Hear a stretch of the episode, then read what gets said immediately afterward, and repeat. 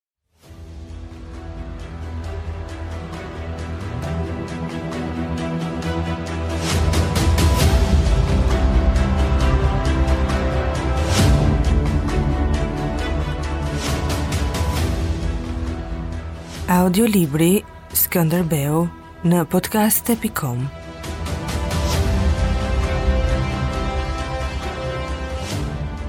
Kapitulli 15, pjesa e dytë. Moisiu filloi të zvarritej që të arrinte rojën turke te përroi i Sheut. Ai duhej të zvarritej njëqind hapa dhe pastaj duhej të ngrihej në gjunjë e ndoshta në këmbë. Para tij rrëshqiste Gjon Namali, Prapa, e ndiqnin dhjetë ushtarë të gardës. Gjoni u vërtit rreth vetes dhe ktheu fytyrën qull në djersë nga Moisiu. Të zbresim poshtë te rrëkeja, pëshpëriti Gjoni. Mirë, tha Moisiu. Gjoni u vërtit prapa dhe përpara lehtas me bryla, ky ishte dreqi vetë. Barkas më këmbë dhe në kalë. Mbase noton dhe si peshqit në ujë, mendoi Moisiu. Ai s'kishte dashur ta merrte Gjonin, që nuk ndahej asnjëherë nga Skënderbeu. Moisiu u zvarrit më tej me mundim nga prrallet që i grisnin fytyrën, nga dielli që përvëlonte tokën dhe nga kujdesi për të mos rrokullisur gurë. Gjoni para tij dredhonte në rrëke dhe humbiste sikur të hynte në tokë. Skënderbeu kishte thënë, Merre, dëshiron ta kapë vetë. Gjoni donte ta kapte vetë Hamzan, zotin e tij të vjetër. Mos u merr me gjëra të kota, shiko përpara, i tha vetes Moisiu. Kur arriti në fundin e rrëkesë, Gjoni u ngrit më gjunjë pas ledhit. Roja turke ishte atje përpara nën hijen e një dushku këmbëkryq, me harkun në prehër dhe tunte lehtas kokën e rruar me bishtin e flokëve në supe, nga i cili i varet jeta e turkut. Pranë tij në hijen e vidhit, flinin në qëndrime të ndryshme shokët nja 15 veta. Roja po i pohonte vetes diçka. Gjoni e shikonte ngultas për të kuptuar se çfarë po i pohonte vetes ai. Do të zbres pas pak poshtë, bëri me shenjë Gjoni. Mirë, u përgjigj Moisiu. Gjoni rrëshqiti brinjazi, pa u ndier, me dinakërin e gjarprit në fytyrë. Roja po dremiste, Janë shthurur, mendoi Moisiu. Ajo gjë e vogël që shihte i provoi befas atë që ai kishte parë dy javët e fundit. Ushtria e tyre ishte thyer në trup dhe në shpirt. Ushtarët e tjerë arritën dhe u strukën pas ledhit me fytyrat rrafsh në tokë. Roja nuk dremiste, ai ngriti kokën, drejtoi trupin dhe u vu të shihte malet me dyshim. Pastaj uli kokën mbi gjoks dhe nisi të vërshëllente duke rrudhur fytyrën e tij të tharë e të nxirë. Gjoni po i afrohej në brinjë deri në skajin e ledhit. U dëgjua një britmë mëllenje që rrasej në ferra dhe Gjoni u ngrit me duart në tokë që të kërcente se kujtoi se roja po jepte një farë shenje. Por roja vërshëlleu pastaj si bilbili, lëshoi zërin e qyqes dhe më në fund ia mori këngës me zërin e hollë të një eunuku ose të një fëmije. Tani, pyeti Gjoni me sy. Po, tha Moisiu. Gjoni filloi të hiqte ngadalë harkun që e kishte krahëqafë. Sikur ta shihte këtë Gjergji, mendoi Moisiu, ai e kishte përcjellë deri te korija e shqopave. Dhe i kishte thënë, janë shthurur, por mund të zgjohen befas dhe atëherë do të shkaktojmë gjëmën me duart tona. Duhet të jetë si gjëmimi i qiellit dhe nuk duhet të zgjasë më tepër se tri orë, kishte thënë ai. Gjoni e ngrehu harkun, shënoi dhe u nde me trupin e zgjatur. Moisiu i pa nofullën e kërcyer dhe syrin e rrudhur siç e kishte parë në mëngjes tek bënte prova në trungun e një lisi. Ky është shigjetar, mendoi Moisiu. Roja këndonte këngën dhe përkulte në hije kokën lakuriqe sikur kujtimet i shkaktonin dhimbje. Moisiu e donte atë turk si dhe shokët e tij, i donte me çdo kusht, ata duhet të ishin të tijtë. Ai u struk pas ledhit dhe u kthye me maraz nga Gjoni. Atë çast, Gjoni e shkrehu harkun. Roja u drejtua, ktheu kokën dhe lëshoi krahët. Ishte goditur në brinjë dhe shigjeta i kishte hyrë në gjysmën e trupit, aq sa e kishte matur Gjoni. Roja shtyu kokën prapa dhe u përmbys në njërin krah. Gjoni flaku harkun dhe kërceu mbi ledh. Para, thirri Moisiu. Ushtarët kërcyen me shpatat në duar dhe Moisiu pa fluturimthi tabanët e këmbëve të tyre të mbathura me opinga. Atëherë vrapoi dhe vetë. I arriti rojat turke kur pa të ngriheshin përgjysmë dhe të binin mbi njëri-tjetrin dhe filloi të godiste me thirrje të mprehta, që i dilnin nga gjoksi nga një gëzim që s'mund ta përmbante. Kur i dha një goditje të pjerrët në zverk, një turku që rrinte në gjunjë duke u lutur për diçka, pa se asgjë nuk lëvizte më. Armiku kishte dashur të shkëputej nga gjumi i vapës, por ai nuk e la. Për një çast iu duk se armiku prapë po flinte në hijen e vidhit. Vrasja kishte qenë e shpejtë, pa zë, ashtu si kishte dëshiruar ai. Jep shenjën, thirri Gjoni. Gjoni hipi mbi një gur dhe lëshoi tri vërshëllima të prera si në dasmë i lumtur duke kërkuar me sy korijen e shqopave. Në atë çast, Moisiut i iku zemra. Një nga rojat turke po vraponte poshtë, sikur të kishte dalë nga vdekja, prej nga s'mund të dalë askush. Pastaj Moisiu e kuptoi, ai do të kishte rënë për të fjetur veç nga shokët, mbase në tufën e fierit, në anën tjetër të përroit ai do të jepte alarmin. Ndiqeni, thirri ai. Kot, ishte pa shpresë. Roja kërcente mbi gurë e mbi driza, atë nuk e kapte shigjeta dhe ishte një vrapues që bënte kërcime në ajër, vetëm në këmishë. Ai nuk u pengua asgjëkundi. Në anën lindore të kampit turk po ndodhte diçka. Kur ushtari turk arriti atje gjysmë i zhveshur, filloi të thërriste, Skënderbeu, Skënderbeu. Rreth tij u grumbulluan disa ushtarë që u përpoqën ta qetësonin. Ai thërriste, shtynte e qëllonte me grushte që të hapte rrugën për te pashai i taborit. Atje e kapën dhe e mbajtën të mbërthyer. Pashai flinte dhe kur dikush guxoi ta zgjonte u inatos. Skënderbeu po të ishte gjallë mund të pritej nga gryka e Matit, ku Evrenozi kishte ngritur pritën, po kurrsesi nga malet sipër kampit, pas të cilave ngriheshin të tjera male të pakapërcyeshme. Këtej nuk mund të kalonte një ushtri. Këtej mund të zbrisnin vetëm dhitë. Roja do të kishte vrarë ndonjë grup barinsh. Pastaj u ngrit ngadalë që të shikonte vetë në vend dhe të ndiqte këta barinj. Kjo ishte gjysma e orës që vendosi fatin e betejës. Kalorësia e Moisiut doli prapa malit rrëzë kodrave, po këmbësoria që u derdh nga të gjitha pritat ishte ende larg. Asaj ia hanin vrullin, toka, përrenjtë, kodrat dhe shkurret, por Moisiu arriti ta rrethonte. Skënderbeu mati me mend largësinë që e ndante nga armiku, matje që e kishte bërë shumë herë këto dy vite. Largësia mund të kapërcehej me vrapin e fundit të një kali. Gjithnjë kishte qenë në dorën e tij të zgjidhte vendin dhe kohën. Në këtë betejë ai nuk kishte parë as vendin dhe as kohën. Tani do të provohej nëse e kishte gjetur kohën apo jo. Dhe prapë Kjo lidhej me vendin. Ai e qetësoi kalin duke dashur të qetësonte veten. Ai dha shenjën. Garda krutane u ra brirëve dhe në atë kohë ranë brirët, boritë, daullet dhe u ngritën britma e 11.000 njerëzve. Kishte nisur vrapi që përfundoi brenda kampit armik. Kishte nisur ajo betejë e zhvilluar tre muaj më parë në mendjen e Skënderbeut dhe e përsëritur çdo ditë e dëshiruar dhe ëndërruar aq shumë se s'kishte si të mos bëhej ashtu siç donte ai. Kampi turk prej tridhjetë mijë veta shtrihej në zonën kodrinore rrëzë maleve më tej në fushë. Kodrat janë të vogla, të ngjashme, të veshura me një bimësi të dendur e me blerim gati të errët.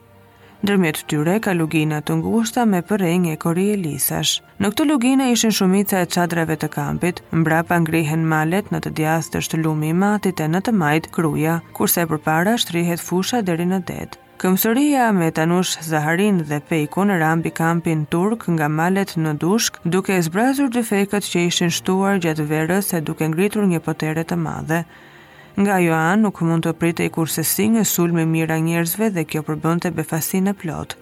Në të njëjtën kohë u derdhen në pjesën fushore të kampit në tri krahët e Skënderbeut, Moisiu me kalorësinë. Sulmi u shtri në pak minuta në krejt rrethin e kampit dhe bëhej me të njëjtën dendësi të njerëzve në këmbë e në kuaj, sikur të kishte dalë nga dheu një ushtri tri herë më e madhe.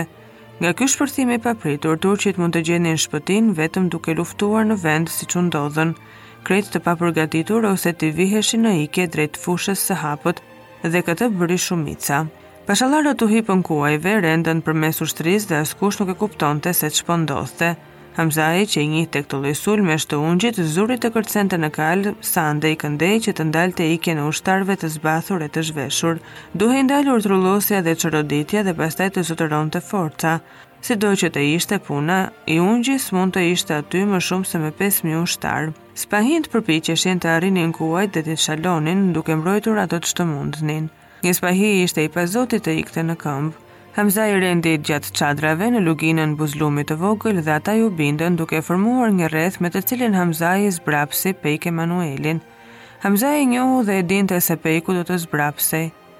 Pejku me sy të bardhë, u dukte një copë dhe ikte për të dalë befasisht nga ana tjetër.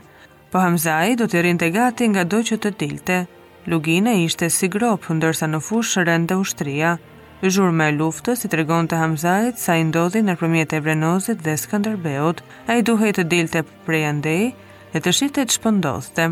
Kundër zakonit të tij, Pejku u kthye ballas. Hamzai duhej ta thyente, të çlirohej prej tij dhe ai doli në krye të spahinjve për ta ndjekur, por Pejku u tërhoq prapë në kodrat me shkurre, ku nuk ngjitej dot kalorësia. Pejku s'kishte qëllim tjetër veç se të mbante Hamzan në vend. Ky u tërbua dhe thirri për ta ndjekur armikun në kodra. Skënderbeu po ndiqte sulmin më të krisur që kishte bërë ndonjëherë. Gjemimi kishte qenë i plotë. Mund të thoshte se ai kishte dalë, po kurrsesi s'mund ta quante të mbyllur. Kishte nisur pesëqind kalorës të gardës me ndihmë të Tanushit dhe të Moiseut që të pushtonin kampin tërësisht dhe pesëqind kalorës të tjerë në ndihmë të Pejkut për të asgjësuar Hamzan me spahinjtë që mbrohej ende me zallishten e lumit. Kampi turk që shfrynte rreth vetes po mposhtej.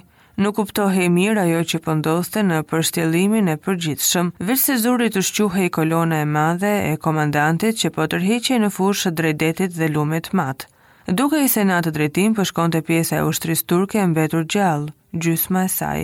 Skënderbeu i zbriti kalit me mundim. Kishte arritur në pikën e fundit të fuqive të trupit. Pamjet nuk qëndronin mirë në sytë e tij.